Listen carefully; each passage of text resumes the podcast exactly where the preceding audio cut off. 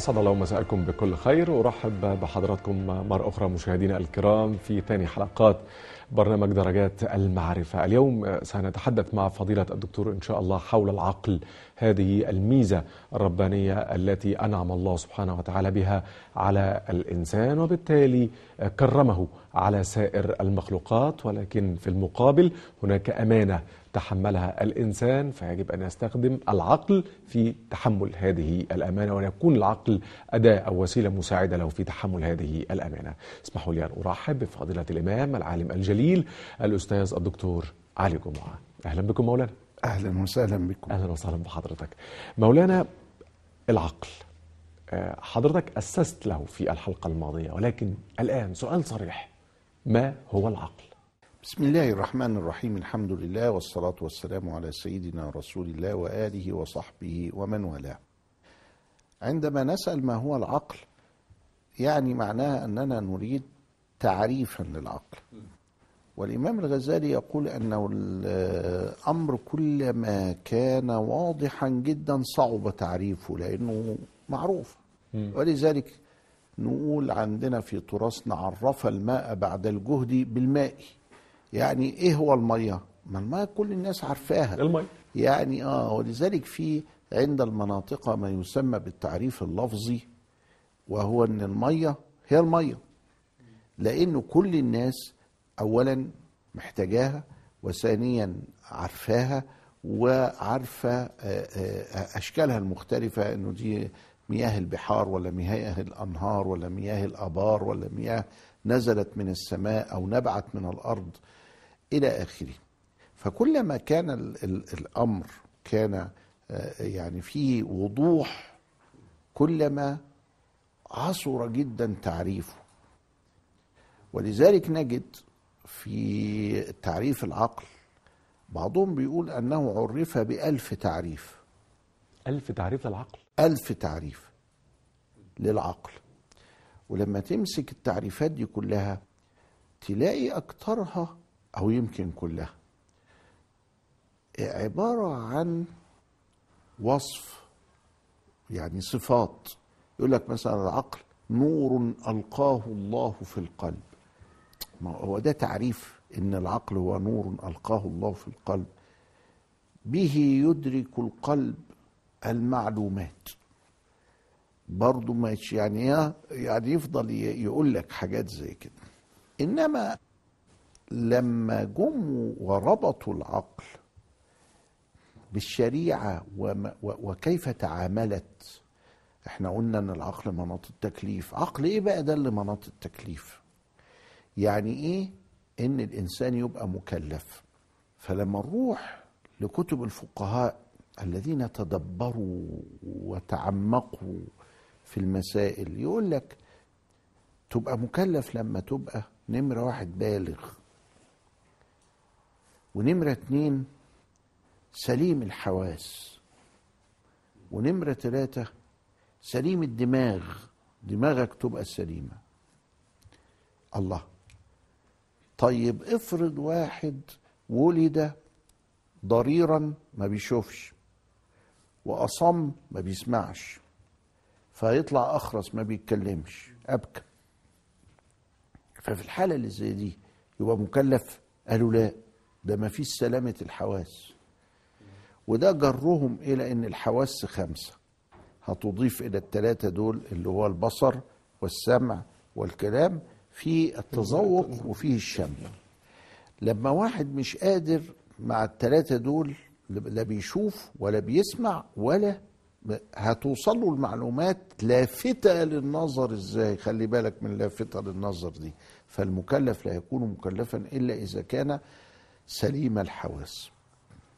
طب أنا سليم الحواس بمعنى بشوف بسمع وبتذوق وبتكلم وكل حاجة لكن دماغي ما هياش مظبوطة اتخبطت على دماغي خبطة فخلت فيه خلل في الدماغ.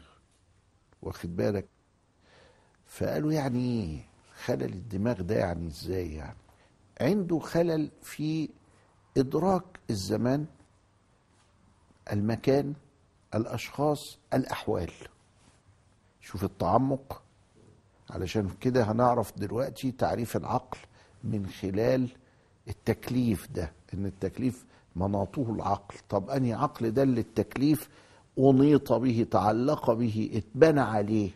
فلما واحد يجي بنقول له وإحنا في عز الحر قال أنا بردان. الله ده يبقى مختل ده. إحنا في عز البرد قال أنا حران. أنا هموت من الحر. مش مدرك الزمان مش مدرك المكان. فاكر النهار ليل والليل نهار مش مدرك الأشخاص. تلاقيه مثلا أحد علماء الفلسفة. فلما يفتح للراجل الصبح اللي جايب له الجريدة أو اللي جايب له اللبن أو اللي جايب له حاجة كده كان زمان يوصلوا الحاجات دي لل... وم يكلموا في الفلسفة في حين إن هو لما يروح مثلا محاضرة علشان طلبة الفلسفة قوم يكلمهم في أسعار اللبن وأسعار اللحم اذا فإحنا عندنا إنه لازم يكون سليم الحواس لازم يكون سليم العقل الدماغ يعني. لازم يكون آآ آآ أيضا سليم التفكر. لما نيجي نشوف هو الولد الصغير طب ما هو عنده دماغ وعنده حواس طب ربنا ما كلفوش ليه؟ لأن ما فيش معلومات سابقة في دماغه. ويقعد الواد الصغير ده يتعلم يتعلم يتعلم فترة طفولة الإنسان يمكن تمتد ل 15 سنة القانون خلاها 18 ليه؟ لأنه قاعد يتعلم. أطول فترة طفولة حيوان له فقاريات هو الإنسان. الأسد ولا النمر ولا القطة ولا الفار ولا كده على طول البلوغ بتاعهم اللي شهرين واللي سنتين واللي كده. لكن لأن الإنسان مكلف بمجموعة هائلة من الطلبات والآداب إزاي ياكل وإزاي يلبس وإزاي يقعد وإزاي يتكلم مع اللي أصغر منه إزاي يتكلم مع اللي أكبر منه إزاي يتكلم مع زميله إزاي آداب كتيرة يسموها الإتيكيت يسموها اللياقة.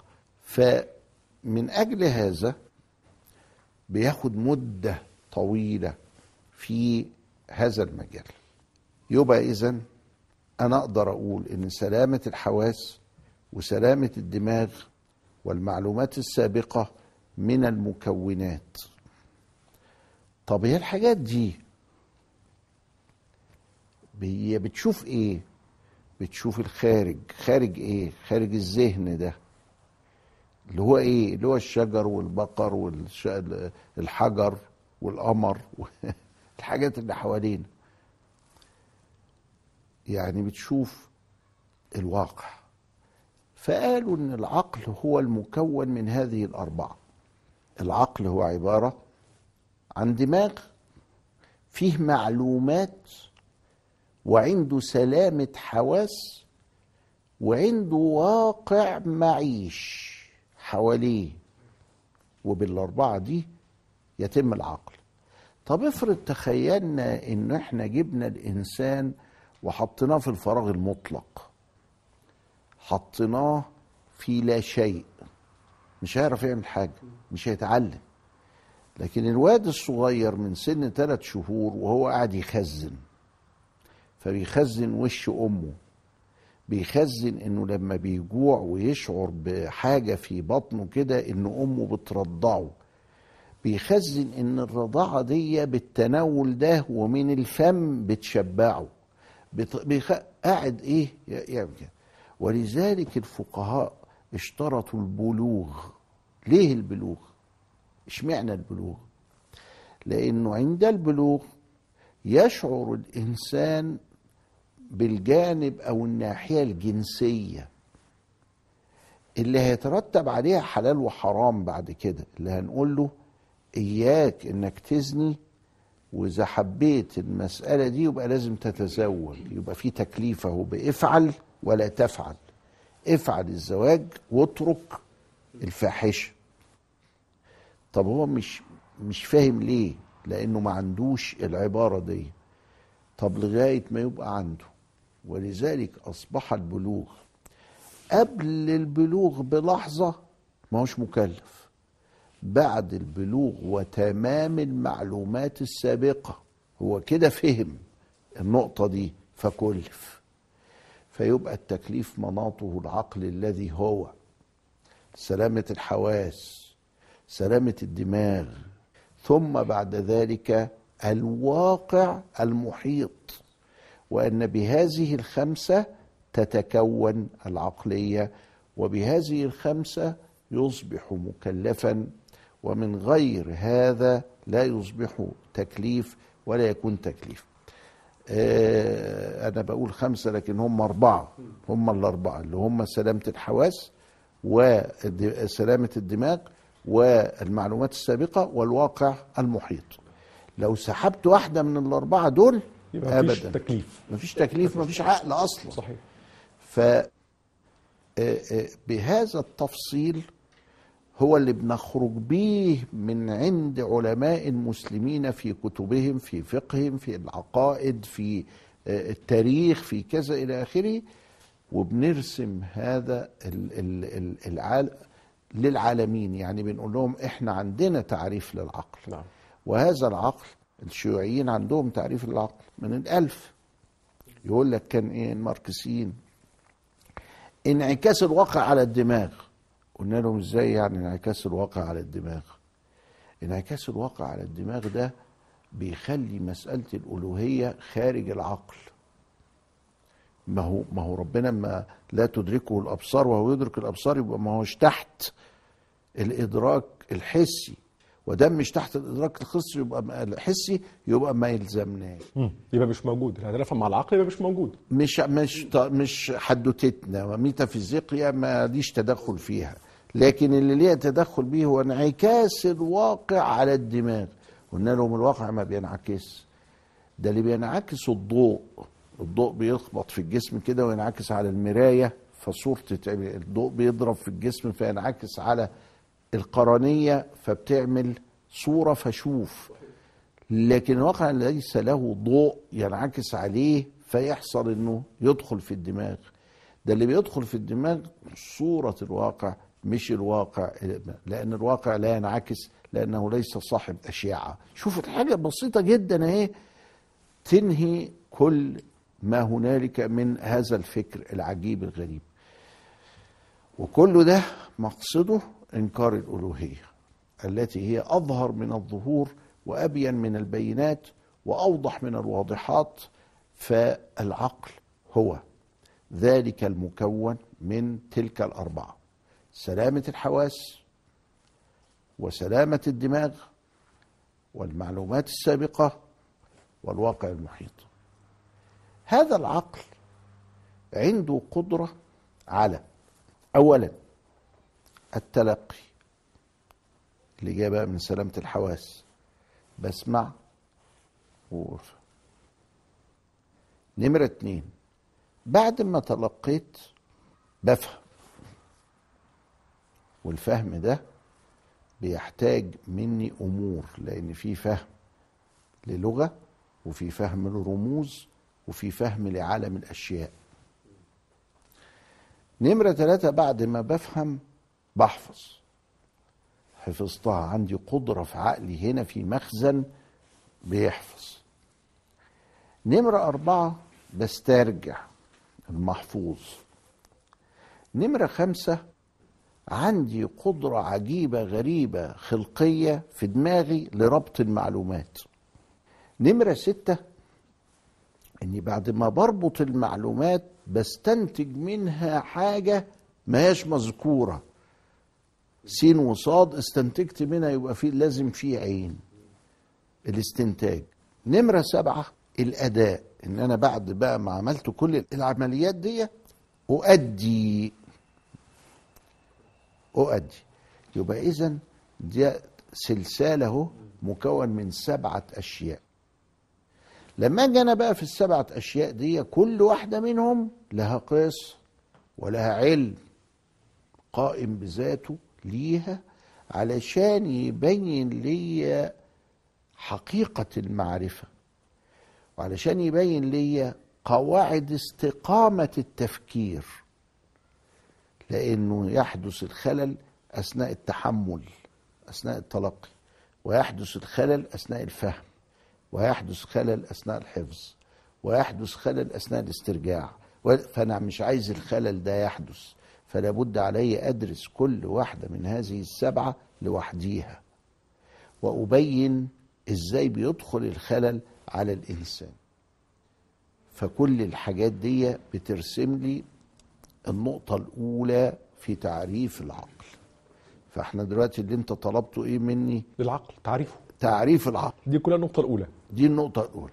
تعريف العقل هو سلامة الحواس وسلامة الدماغ والمعلومات السابقة والواقع المحيط. وكل واحدة من الأربعة دول لها حدوتة وقصة وكل وإحنا بنتكلم دلوقتي عامة حوالين الأربعة دول لكن كل واحدة نقعد نتكلم فيها علشان نعرف العقل يعني إيه. أدي اهتمام المسلمين بهذه القضايا. واحد يقول لك أصلا مش داخل عقلي. اللي هو دخلت إيه وخرجت إيه وعقلك ده النهون ده من الألف آه، تعريف وإيه رأيك في التعريف ده وإيه؟ وهكذا فحكاية مش داخل عقل دي مش داخل عقل يعني. طيب مولانا أستاذ حضرتك بعد الفاصل نتكلم بقى على فكرة العقل والدماغ يعني ربنا سبحانه وتعالى في آه، آه، آه، إحدى ال- الآيات يتحدث عن أهل أهل النار أو الكافرين بأن لهم قلوب لا يفقهون بها طيب لما الواحد يجي يقرأ هذه الآية الكريمة قلوب يفقهون بها. طب القلوب مالها ومال الإدراك وإن الإنسان يفقه أو يفهم شيء. أساسا حضرتك بعد الفاصل نتحدث عن الع- العلاقة بقى ما بين القلب وما بين العقل. مين فيهم اللي بيفقه؟ خليكم معايا.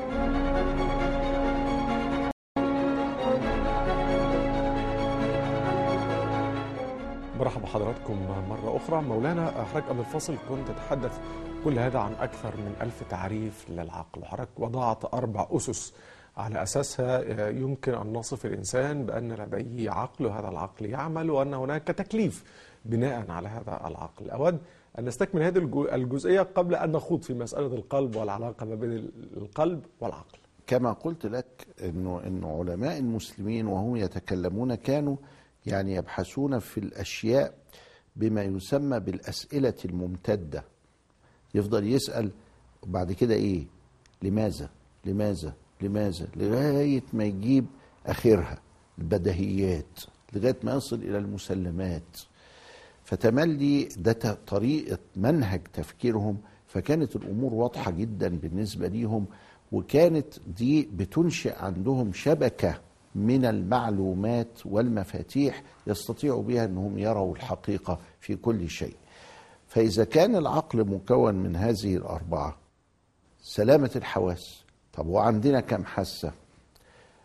عندنا خمس حواس ظاهرة والحواس الظاهرة دي تكلموا عنها وتكلموا عنها هتتعجب في كتب العقيدة لأن نظرية المعرفة والإبستمولوجي تكلموا عنها في مقدمات العقيدة وهم يتكلمون عن السمع عن البصر عن الكلام عن التذوق عن الشم عن كذا إلى آخره. ال- ال- الخمسة دول عن اللمس. الخمسة متصلين ببعضهم. ولذلك يقول لك واحد عنده زكام ما يعرفش يتذوق يحس إن المية طعمها مختلف. صحيح. ليه؟ لأنه الشم والذوق يعني تمام.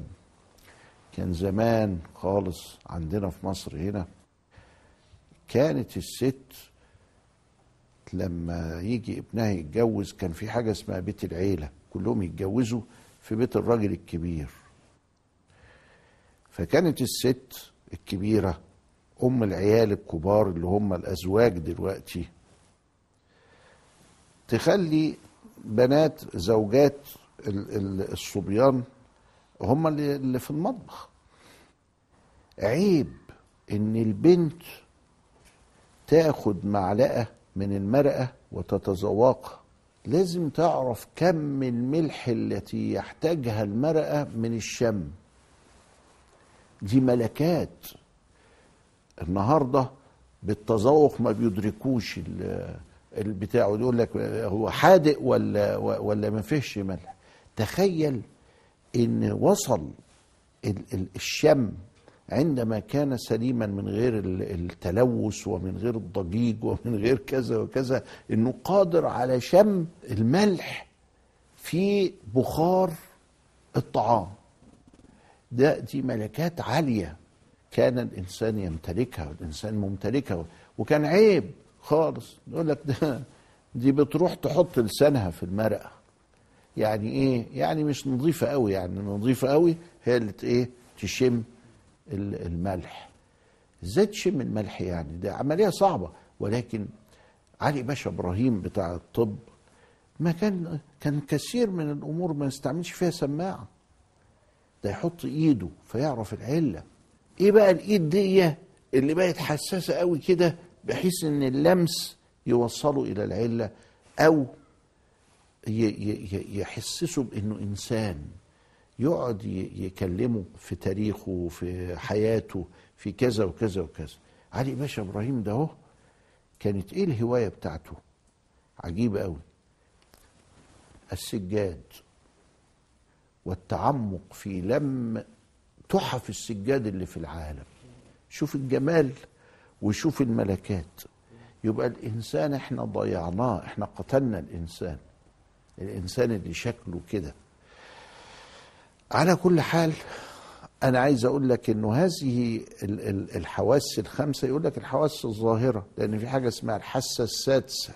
الحاسة السادسة دي اللي هي الحدس اللي هو ال- الشعور بإن في ح- دي غلط وده صح وده حاجة شفافية ربنا بيعطيها للإنسان في القلب اللي هنتكلم عنه بعد ذلك إن شاء الله. الحواس دي لو فقد الإنسان الثلاثه الأساسيين منهم اللي هو البصر والسمع والكلام لم يعد مكلفا. حتى لو كان محصلا للمعلومات ودي نفرد ليها حال أديب حالها حتى لو كان محصلا للمعلومات. للمعلومات. القضية مش قضية معلومات بقدر قضية القدرة على الوصول إلى حقائق الأشياء. هو ده اللي مناط التكليف. هيلين كالر واحدة أمريكية مشهورة اشتهرت في الخمسينيات أصيبت بمفيش بصر مفيش سمع مفيش كلام. قدرت المعلمة بتاعتها عن طريق خرير الماء في الحنفية بتاعة البستان أو بتاع الجنينة اللي حوالين البيت إنها تعلمها بعض المعلومات وفضلت تعلم فيها حتى تراكمت هذه المعلومات فألفت رواية. فلما ألفت رواية أصبحت يعني الإعاقة دي كلها من تحصيل المعلومات ولم تمنعها من ابتدى مخها يشتغل فيما هو معاها من هذه المعلومات. لكن بالرغم من كده إلا أنها لم تصل إلى حقيقة الألوان. هي مش عارفة الألوان. هي عارفة إن في ألوان وكل الأخضر حاجة اسمها أخضر وحاجة اسمها أحمر لكن هي مش عارفة الله شكله إيه ولا الأخضر. ف هيلين كالر عندنا في الشريعة مش مكلفة. حتى ولو بلغت إلى هذه الدرجة من العالمية حتى لو استطاعت إنها تقدم وكده ونشجعها على هذا التقديم ونشجع أصحاب ال ال الظروف الخاصة دي إنهم ينتجوا إنهم ما ينعزلوا إلى آخره. بس التكليف عند الله يعني الله لم يأذن لأن الدية تتحمل عبء التكليف. فده مثلا إحنا هنا إحنا بنقول إيه؟ سلامة الحواس. ويبقى سلامة الحواس دي. أما اللي هو جه مثلا الضرير لا ده الأنبياء منهم من كان ضريرا زي سيدنا يعقوب. طيب ولم يكن في الأنبياء أصم. شوف إزاي يعني السمع مقدم على البصر ولذلك وهم بيتكلموا على القاضي. القاضي ممكن يكون ضرير. ما يجراش حاجة. لكن لازم يسمع كويس. لكن لازم يسمع. يكون ملم بأطراف القضية. علشان يشهد الشهود وعلشان البينات وعلشان كذا إلى آخره. أما ال- النظر لا ممكن حد يعينه في من أهل الثقة من حوله. فالكفيف لا يبقى قاضي ويبقى نبي كمان آه، آه، قبل ختم النبوة. لكن الأصم لا. الأصم ده مش مكلف بهذا. لكن مكلف بالصلاة مكلف بالصيام مكلف. والأخرس الأخرس يفهم من طريق عينيه بالإشارة المفهمة. والإشارة المفهمة تقوم مقام الكلام.